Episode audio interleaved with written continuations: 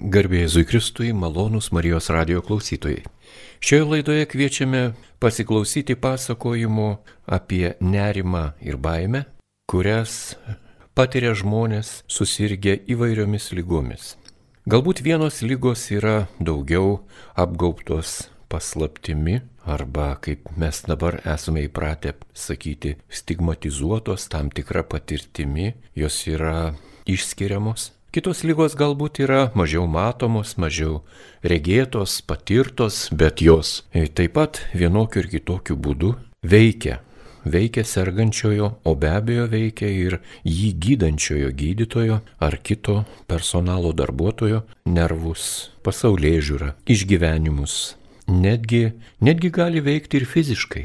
Ir šiandien apie baimės ir nerimą mums maloniai sutiko papasakoti gydytoja radiologė daktarė Rūta Brėdienė. Ja kalbina Liutauras Serapinas ir aš sveikinuosi su gerbiama daktarė Rūta. Garbėjai Kristui, laba diena. Sveiki.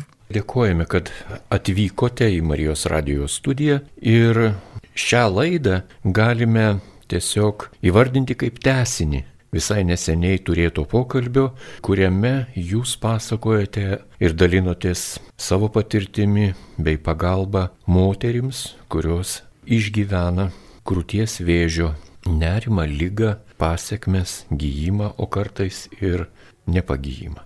Ir lyg ir tęsiant pokalbį, norisi jūsų paklausti. Tokių lygų šešėlis, mėnulis, turbūt ir yra tas nerimas arba baimė, kuri priklausomai nuo žmogaus charakterio, stiprumo, būdo bruožų daugiau ar mažiau pasireiškia, bet turbūt vis tiek paliečia. Kaip jūs pastebite, kaip jūs pamatote, ar pacientas bijo, ar nerimauja, ar yra, na, laisvas nuo baimės? Taip, iš tikrųjų mano kasdienis darbas tai yra būtent e, sutikti žmogų jo to kelio pradžioje tada, kai jis ateina į gydymo įstaigą, na ir kartais, aišku, tai būna tokia situacija, kai jau, na šiuo atveju pati moteris įtarė, kad gali būti kažkoks susirgymas, o kartais tai yra visiškai, na, profilaktinis patikrinimas ir, ir tiesiog žmogus ateina galbūt gauti gerą žinę, kad viskas yra gerai.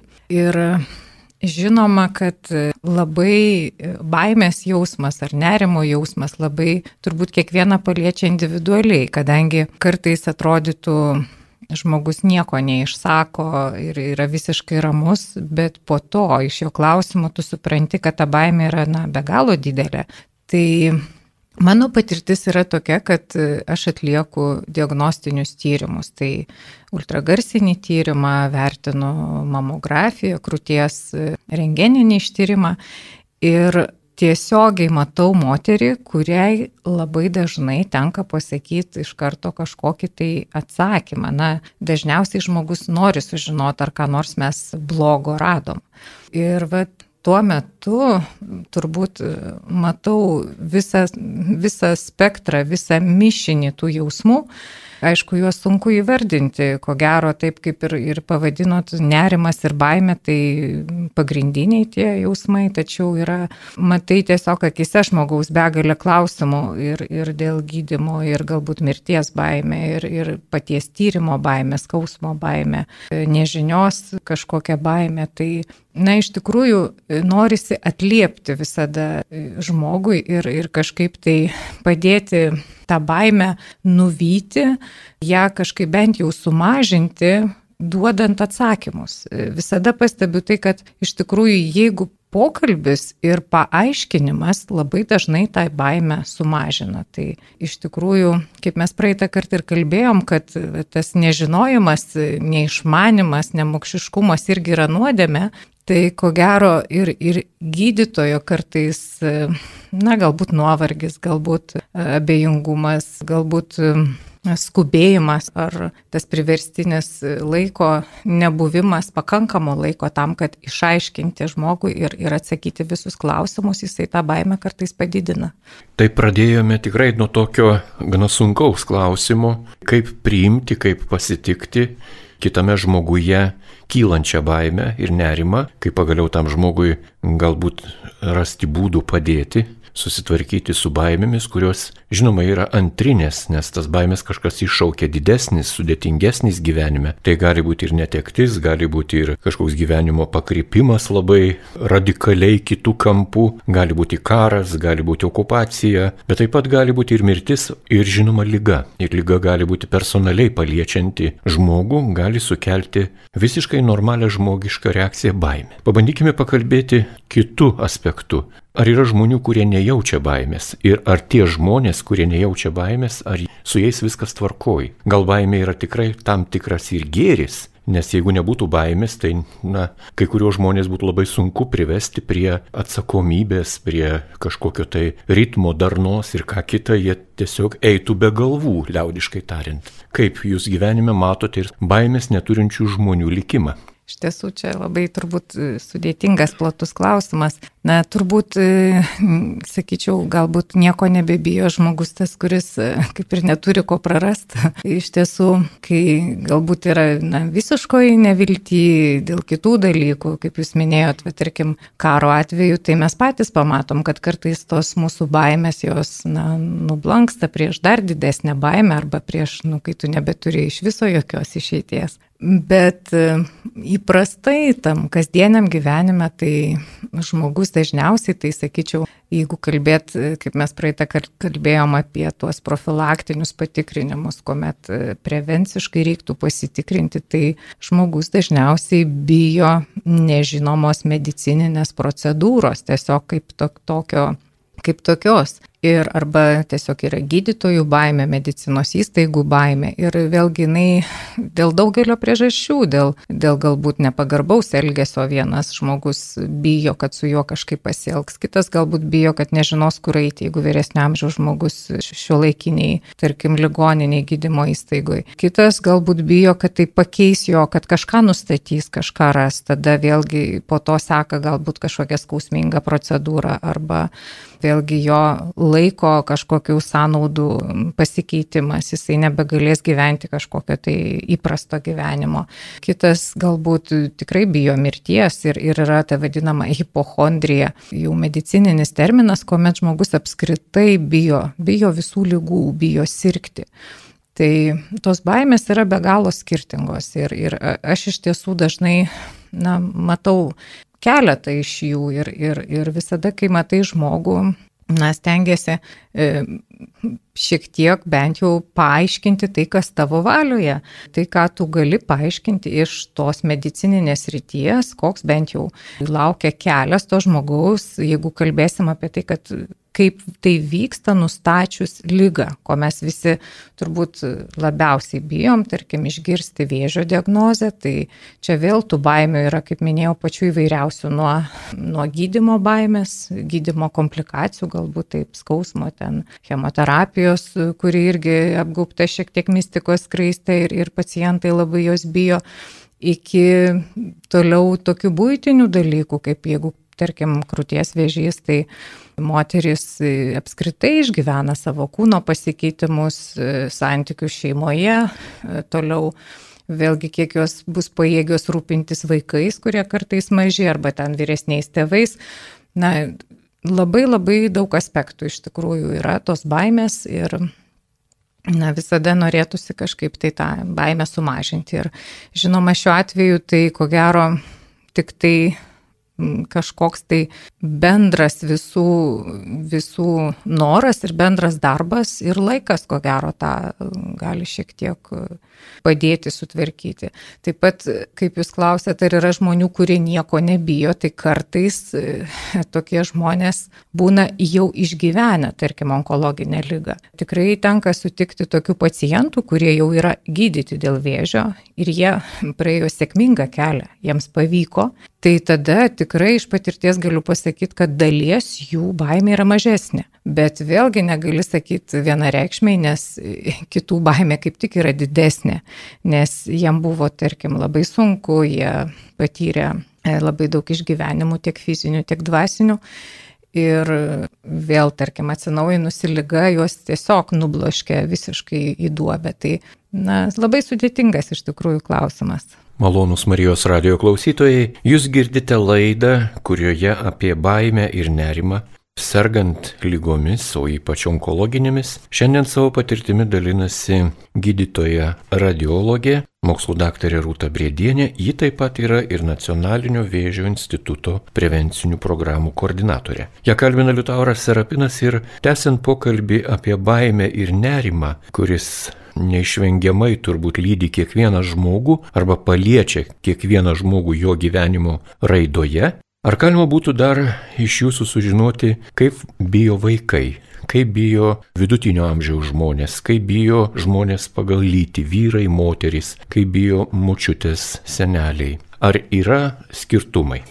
Labai įdomus klausimas. Na, iš tikrųjų, su vaikais neteko dirbti, tik tai pagal na, savo vaikus arba ten pagal draugų vaikus galiu pasakyti, kad e, vaikų baimė jinai iš tiesų dažniausiai yra tokia čia ir dabar. Jisai bijo vat, to, kas vyksta dabar. Jisai bijo halato, jisai bijo procedūros. Ir kuo mažesnis vaikas, tuo turbūt ta baimė yra būtent tokia labiau čia esanti. Ir tą baimę, ją ko gero lengviausia yra su, suvaldyti. Ir tam iš tiesų ir medikai paskutiniu metu tenka matyti jau nebe baltus halatus, o ir rožinius, ir gėlėtus, ir, ir, ir e, tam padeda ir, ir žaislai vairiausia, ar tarkim pokalbis su vaiku. Tai pavyzdžiui, diagnostikos rytį tenka mums matyti mažus mūsų pacientus, kuomet jie turi atsigulti magnetinio rezonanso aparatą. Tai yra, reiškia, aparatas, kuriuo atliekami radiologiniai tyrimai Ir tenai vaikas turi uždaroj patalpoj vienas e, atsigulęs prie burzgiančio aparato pabūti, tarkim, 30 minučių arba 20 minučių. Ir labai dažnai, kai vaikas iš tikrųjų ateina, na, visiškai nesutinkantis tyrimui, dažniausiai tą tyrimą mums pavyksta padaryti. Ir, ir, jisai tiesiog, ko jisai bijo, jis bijo nežinios. Tu jam pradžioj paaiškini, vėlgi tas mūsų neišmanimas, nežinojimas kuomet viską paaiškini netgi vaikui, ta baimė iš tiesų, na, jinai gal išlieka, tačiau jinai ženkliai sumažėja. Kaip ir prisijaukinam ją šiek tiek, atliekam kažkokį tai veiksmą pradžioj, tada vėl paklausam, kaip tau sekasi ir, ir nebaisu, o toliau jau galima tęsti tą tyrimą. Tai manyčiau, kad vaikų baime ko gero yra būtent tokia čia ir dabar. Ir ko gero, kuo vyresnis žmogus, ta baime apima galbūt, negaliu sakyti daugiau sričių, tačiau jinai galbūt gilesnė yra ir vyresniam amžiui, galbūt jau daug kas tikisi lygų ir, na, nebūna tokios nuostabos, galbūt sakyčiau, jeigu vyresnio amžiaus, tarkim, bet kaip jūs klausėt, močiutės ar, ar, ar vyresnio amžiaus vyrai, seneliai, jie iš tiesų, na, nenustemba, kad juos ta lyga ištiko, nes jie tarsi tikisi, mums tarsi įprasta, kad vyresnio amžiaus žmogus jisai gali susirgti, ypač onkologinė lyga. Jaunesnio amžiaus, vidutinio amžiaus žmonės jiem, ko gero, jie nesitikė tos lygos, todėl būna ta, tas pirminis, na, šokas, pavadinkim, išgastis, kai tu išgirsti išgirsti tą diagnozę. Tačiau vėlgi, jeigu žmogus sužino, tas vidutinio amžiaus žmogus, jisai turi internetą, jisai turi labai daug galimybių pasieškoti informacijos ir ta informacija vėlgi jinai veikia dviejopai. Kartais kai kuriuos labai gazdina, kai kuriem jinai padeda su savim susitvarkyti ir kuo tu daugiau žinai, kuo tu daugiau tos informacijos turi, bent jau turi apie ką paklausti savo gydytojo, jeigu aišku jisai atsako į tos klausimus. Tai sakyčiau, galbūt sudėtingiausia ir yra ta baimė įveikti vyresnio amžiaus žmogui, kadangi jisai, na, jis kartais nedrįsta klausti, jis galbūt bijo pasirodyti labai neišmaneliu, bijo pasirodyti kažkokiu prastesniu ženkliai už gydytoją ir, ir, ir pagaliau bijo klausti gydytojo, bijo įžeisti arba bijo tiesiog, kad jo negydys kartais žmonėm iš, iš kokio mažesnio miestelio, iš tiesų jam tas gydytojas sostinėje atrodo, na, kažkoks nepasiekiamas tolimas ir, ir jie apskritai bijo net klausimą užduoti. Va, tai manyčiau, kad vyresnio amžiaus žmogui sudėtingiausia, ko gero, su, su tuo susitvarkyti. Arba tas susitvarkymas virsta ne į tokį, kaip ir pasakyti, gražią kovą su, su, su lyga. Ir, ir, žinoma, turi būti susitaikymas ir su kažkokiam pasiekmėm to gydimo, nemaloniom ir, ir panašiai. Bet jinai dažnai, ko gero, virsta į tokią neviltį galbūt ir, ir kas yra gana skaudu ir kaip mūsų gydantis gydytojai, kurie jau gydo žmonės, jie kartais tiesiog sako, na, vad, mato pacientą ir jie iš karto sako, na, šitas blogai gis jisai vat, neturi vilties ar tikėjimo, jis, na, jam nesiseks, nes jisai nusiminęs ir jis netiki, kad jis pasveiks ir, ir, ir tada sako, net ir tie vaistai blogiau veikia, tai iš tiesų yra tame tiesos. Va tai žinoma, bijom visi, bet ko gero tą baimę suvaldyti priklauso, kaip mes tą darysim, priklauso visgi ir nuo amžiaus, o nuo lyties sunku pasakyti, todėl kad, na, iš tiesų vyrų, vyrų matau mažiau, tiesiog tiesiogiai netiek dažnai susiduriu, Neišskirčiau turbūt pagal lytį didelių skirtumų, nes bijo ir vieni, ir kiti. Ir sakyčiau, mitas, kad vyrai labai bijo kažkokių medicininių procedūrų.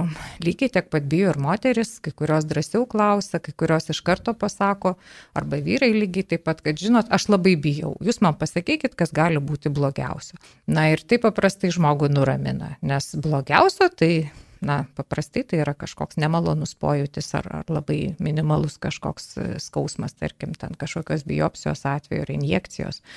Va, tai, o jeigu kalbėt apie jau baimę dėl tolimesnių dalykų, dėl išgyjimo ar dėl mirties, tai vėlgi neišskirčiau turbūt. Visi, ko gero, tiek vyrai, tiek moteris e, gali labai skirtingai apie tai klausti ir priimti.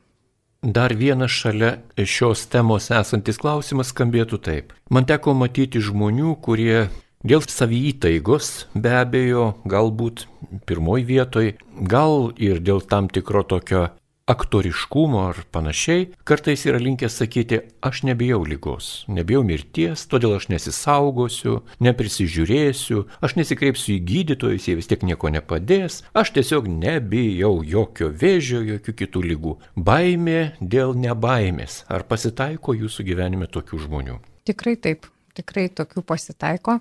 Ir labai dažnai tokie žmonės iš tiesų, na, jie neigia, jie neigia net ir pačią diagnozę. Arba, tarkim, irgi man teko, kiek atsimenu, ir bet vieną, vieną pacientę labai gerai atsimenu, jinai irgi labai nenorėjo pripažinti, kad jai lyga progresuoja, na, jinai žinojo kurį laiką, kad jinai serga vėžių, jinai gydėsi ir lyga pradėjo progresuoti ir jinai tiesiog tą vat, keičia pykčių, tą tokią žinę ir, ir tą nenorą turbūt girdėti, pyksta ant gydytojų, pyksta ant seselių, kodėl jie reikia atlikti tyrimus, kad vis tiek tai nepadės. Tai, nu, galbūt kitas atvejis čia, negu jūs paminėjot, bet e, vėlgi tu matai, kai tu pradedi kalbėti, jeigu tik tai aišku, tam reikia laiko ir ko gero to pokalbio kelio į tą žmogų ir tu gali įtikinti, kad reikia, pavyzdžiui, šiuo atveju gydytis, lygiai taip pat su kitu žmogum kalbant, tu jį gali įtikinti, kad visgi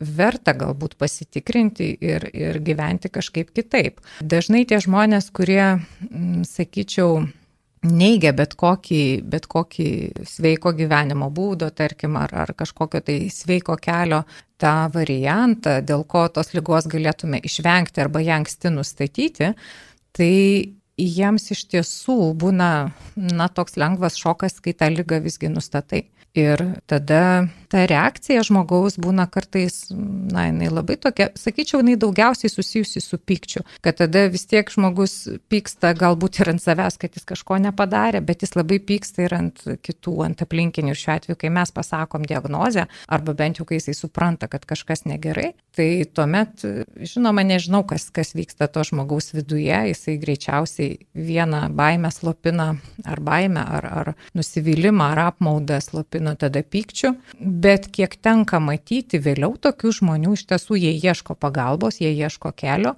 ir, na, reikia turbūt kažkam atsidurti laiku ir, ir, ir tam tikroje vietoje ir, ir pasakyti tai, kas pataiko tam žmogui į, į tuo metinį jo, jo va, tą jausmą ir, ir galima iš tiesų padėti.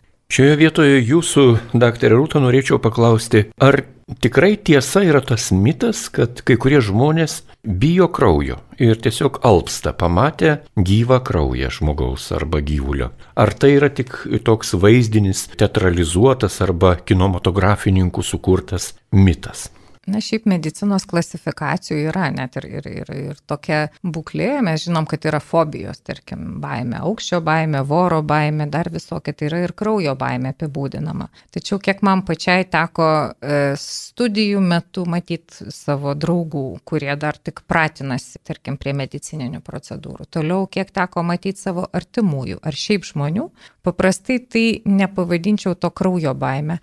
Žymiai dažniau tai yra, na, matymas kito žmogaus, ar tai kančios, ar tai skausmo, ar tai kažkokio tavo visiško kūno sutrikimo, suluošinimo ir panašiai. Tai yra, tu tiesiog empatiškai jauti, kad kitam žmogui skauda ir tai galbūt sukelia va, tas daugiausiai tas vadinamas, kaip mes vadinam, vegetacinės ar psichosomatinės reakcijas, kuomet tada alpsta žmogus arba vemia, arba dar kažkokie ištinka į isterikos priepoliai. Vien pats kraujas, kaip raudonas kystis, tai mes, tarkim, kaip sultis kažkokios, ar ne, tai nu, visiškai nebus, ar, ar vynas raudonas, ar ne. Tai tokių asociacijų ir kai tai atsitinka tam, tam tikromis aplinkybėmis, tai tada taip. Bet šiaip yra tokia, nu, toks nozologinis vienetas, kad kraujo baime, fobija ir e, vėlgi kaip ima kartais adatų baime. Irgi, kai ima kraują iš venos ar iš piršto, tai tenka matyti, kaip žmonės alpsta, bet dažniausiai tai visgi susiję su dar kažkuo. Tai nepavadinčiau to labai izoliuota kraujo baime, tai greičiausiai ir, ir intervencijos, dūrio, skausmo baime, šiaip stres, stresas dėl apskritai vykstančio proceso su žmogum. Na taip, rodos iš šalies mes einame link, link labai svarbių gyvenime pajautai žmogaus, ypatingai ligonio gyvenime išgyvenimų, tai būtent nerimo ir baimės. Ir įvairiais aspektais bandome jums, mėly radio klausytojai, parodyti baimės paveikslą, kurį mato gydytojai, o šiuo konkrečiu atveju gydytoja radiologė, kuri tyria vėžių sergančius žmonės. Ir tęsime pokalbį su daktarė Rūta Brėdienė apie nerimą ir baimę. Jūs jau minėjote, kad būna taip, jog nerimas ir baimė gimdo pyktį arba netgi apatiją. Ir tai vėlgi yra nauja bėda, arba kitaip tariant, gerai įpakuota problema į dar papildomą dėžutę. Ir kaip įveikėte savo darbę, jeigu jūsų pacientė yra apatiška ir sunkiai bendradarbiauja gydimo eigoje? Kaip įveikėte pyktį, kuris gali pasireikšti ir kerštingomis formomis, pavyzdžiui, įvairiomis. Apie jas gal net neverta kalbėti, bet gal jūs gyvenime turite tokios patirties ir galėtumėte truputį mums papasakoti, užbėgant už akių, kad mažiau klystume. Taip, iš tikrųjų tenka matyti pacientų apatiją, pyktį ir, sakyčiau, man lengviau susitvarkyti su piktu turbūt pacientu nes e, iš tiesų kažkoks tai draugiškas tonas arba tiesiog kažkoks prisilietimas gali, žinoma, gali ir suerzinti dar labiau tą piktą pacientą, tačiau paprastai žmogus vis tiek atliepia, jeigu, jeigu tu jį bandai nuraminti, išaiškinti, bent jau atsakyti į klausimą. Jeigu žmogus yra apatiškas, labai sudėtinga, todėl kad galbūt jis apatiškas yra, na, pas mus patenka jau po mėnesio apatijos ar po metų nevilties. Ir visada kažkaip, na, stengiuosi kalbinti tokį žmogų, jeigu jisai visiškai nekalba, tai labai sudėtinga tą padaryti, nes Tarkim, mano tyrimui yra skirta 20 minučių, 30 minučių, tu negali to tyrimo metu iš tiesų kažko tai padaryti. Na, bet bent jau aš stengiuosi suteikti visą informaciją, kurią aš galiu duoti iš savo tyrimo Ir labai dažnai pasitaiko, kad net tas apatiškas žmogus, abejingas, jisai vis tiek išgirsta kažkokią tai žinę, gerą ar blogą, bet vėlgi net ir blogą žinę tu gali pasakyti taip, kad žmogus e, turėtų vilties, jisai arba bent jau turėtų informacijos. Vėlgi einam prie to žinojimo, kad ir, ir tam pacientui, kuris galbūt ir pyksta, kad kažkas galbūt praleido jam lygą, kažkas nenustatė, kad kažkas galbūt nemandagiai pasakė ir taip toliau, kad žmonės žmonės nebijotų visgi paklausti, na, netgi jeigu į tą klausimą bus atsakyta kažkaip nemandagiai arba, arba neatsakyta, arba tas atsakymas netenkins, vis tiek tai bus paklausta, po to galima to paties klausimo paklausti kito specialisto arba tiesiog na, draugo savo, ką jis apie tai galvoja, bet turbūt blogiausia ir sunkiausia yra tas abejingumas ir, ir apatija, e, kuomet užsidaroma visiškai savyje. Ir, ir tada labai netgi ir kitam žmogui reikia ieškoti kelių ir tikrai mes ne visada tų kelių ieškome į kitą žmogų, nes atrodytų ir taip, ar ne, tų, tų problemų pakanka ir labai retas žmogus ieško to kelio pakankamai ilgai, jeigu kitas netliepia. Šioje vietoje norisi dar įžengti į vieną sritį, kuri tiesiog yra susijusi su nerimu ir baime. Ir tas sritis vadinasi savigyda. Kai, sakykime, žmonės iš nevilties arba iš charakterio būdų, pavyzdžiui, labai yra aktyvūs, iniciatyvūs, kūrybingi, pradeda patys ieškoti išeities ir toli nueina vėlų paskui yra juos gražinti į tvarkos ir harmonijos kelią, bet tie procesai yra matomi. Kodėl tai klausiu? Tai klausiu dėl to, kad nerimo ir baimės tokia šalutinė linija yra nežinia. Ir nežinia jinai yra aktyvi, jinai nėra tokia pozicija pastovi, kuri nebekinta, jinai nuolat kinta nežinia. Ir teko girdėti, jog yra šalių, kuriuose onkologinėmis lygomis sergantis ligoniai yra pajungiami kartu su gydytoju dalyvauti programuose. Savęs stebėjimo, testavimo, priežiūros, tam tikrų niuansų įvedimo, tokių kasdienybės eigoje ir raidoje ir ką kita. Ir tas stebėjimas bei ta programa nuolatinio savęs prižiūrėjimo ir vedimo atstoja savigydos potencialą. Tada ta savigyda yra pozityvi, jinai yra konstruktyvi ir jinai veda į lygos įveikimą. Kaip yra Lietuvoje, kaip yra jūsų praktikoje su savigyda? Taip, jeigu labai geras iš tiesų klausimas jūsų, jeigu savygydos kaip ir dalį mes pavadinsim, tarkim, pacientų forumus, pacientų organizacijas, Taip, tai Lietuvoje tai veikia labai labai puikiai. Mes turim Polo organizaciją, onkologiniam lygom sergančius pacientus, kurie yra be galo aktyvus. Mes turim e, nacionalinę krūties lygų asociaciją, mes turim na, jaunesniem galbūt klausytojams Facebook'o profilį moterų grupės sergančių krūties vėžių, kitais vėžiais. Toliau yra nebūtinai socialiniuose tinkluose, tačiau tos organizacijos yra pasiekiamos, e, yra moterų, vėlgi draugijos, kurios serga pacientės krūties vėžių yra pasveikusios, jos kartu paaišo, jos kartu vyksta į keliones, e, vyksta edukaciniai renginiai, skaitomos paskaitos, yra galimybė būtent, kaip jūs sakėt, kartu su gydytojais mes bendradarbiaujam ir man pačiai nekartą teko skaityti paskaitas moterim, tiesiog mūsų pacientėm arba jų artimiesiam, kad jie na, iš tiesų suprastų ir tada būtent tą nežinojimą, tu mažinant nežinę, mažinant neišmanimą, tokiu būdu tikrai mažėja baime.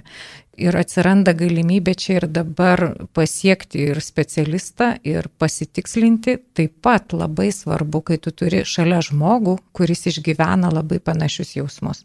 Ir jisai irgi bijo, bet tu matai, kad na, jisai jam pavyko, arba kažkas galbūt nepavyko, tu tada bendrai ieškai atsakymų. Tai, na, tai nepaprastai sustiprina, kai yra bendrai kartu ir, tarkim, nepaslaptis, netgi tokios organizacijos padeda rasti finansavimą, e, pavyzdžiui, kažkokiam medikamentui, kuris nėra kompensuojamas Lietuvoje, arba kažkokiam naujam gydimui. Ir ypač vaikų, tarkim, onkologijoje, tai tikrai taip, būtent per tuos vat, pacientų draugijas, per, per bendruomenės įvairiausias, iš tiesų randama galimybė gydimui. Tai na, jeigu tai vadinsime savygydą, tai jinai yra puikiai šiuo atveju ir jinai tikrai, tikrai veikia ir labai skatinčiau, e, jeigu kas nors bijo ar tyrimo, ar, ar jau yra susidūrę su lyga, ar jų artimieji susidūrė, tai tikrai įsijungti į tą veiklą galima nebūtinai pradžioj aktyviai dalyvauti. Aš tikrai pastebiu, kad aktyviausiai dalyvauja, ko gero, na, tos mano ir pacientės, tos moteris, kurios pasveiko ir kurios nori padėti kitiem. Ir e, iš tiesų jos be galo padeda. Jos tą daro visiškai nemokamai ir savanoriškai ir tai yra geriausia labdara, ko gero, kokia gali būti. Paminėjote pasidalinimą, pasidalinimą savo gyvenimo patirtimi. Kiekvienam normaliam žmogui nesinori dalinti skausmais. Tai natūralu, visiškai sveika ir dora ir teisinga nepermesti kamulio savo problemų kitam žmogui įskreitą. Bet Jeigu dalinasi tas, kuris įveikia lygą, tai jo pasidalinimas turbūt yra kitoks. Jeigu tas, kuris įveikia lygą ir nori pasidalinti, tai turbūt neturėtume stabdyti. Ar viskas Lietuvoje yra gerai? Ar pakanka tų organizacijų, kurios, pavyzdžiui, anoniminiai alkoholikai, jie turi tą anoniminių susirinkimų tam tikrą labai konstruktyvų tvarkaraštį. Ir tas, kuris jau nori pasveikti iš alkoholio priklausomybės arba priklausomybės alkoholiui, jisai kovoja net ne savo rankomis, jisai yra prižiūrimas tokio pat varguolio, kuris jau yra praėjęs, paėjęs. Kaip jūsų pacientai, moterys, kurios serga krūties vėžio ir kitomis vėžio lygomis, kaip jos būrėsi, kaip jos viena kitai gali padėti, kaip galėtų dar padėti kitaip.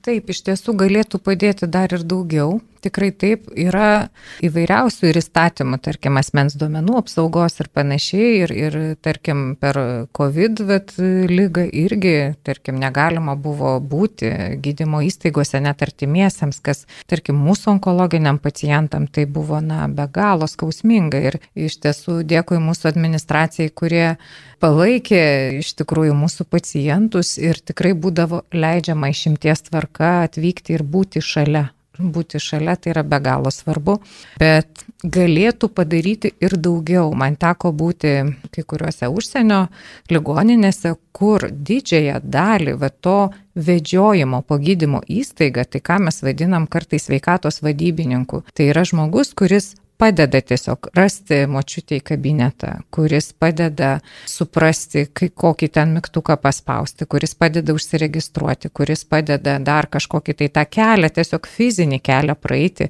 ir kartu, aišku, ir psichologinį, ir, ir pasakant, kad, na taip, čia tas tyrimas nebaisus, čia dabar tas, dabar tas. Ir tokie, tokiais žmonėmis kartais būtent dirba tie pasveikę, pasveikę savanoriai.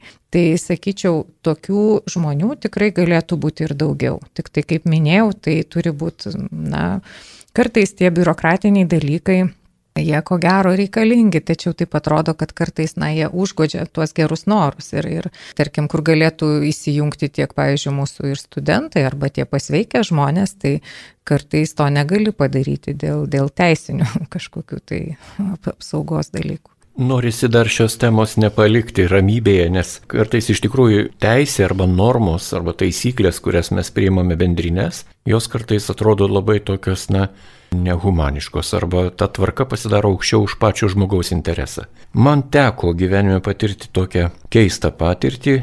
Dirbdamas mokytojų vienoje mokykloje aš turėjau asistentę Rūtą, kuri susirgo vadinama leukemija, tai yra vėžio forma taip pat, kraujo lyga taip liaudiškai vadinama, ir ji atsidūrė Katovicų e, kraujo čiulpų transplantacijos centre, kuris yra Lenkijos pietvakarių dalyje ir aš ją nutariau aplankyti.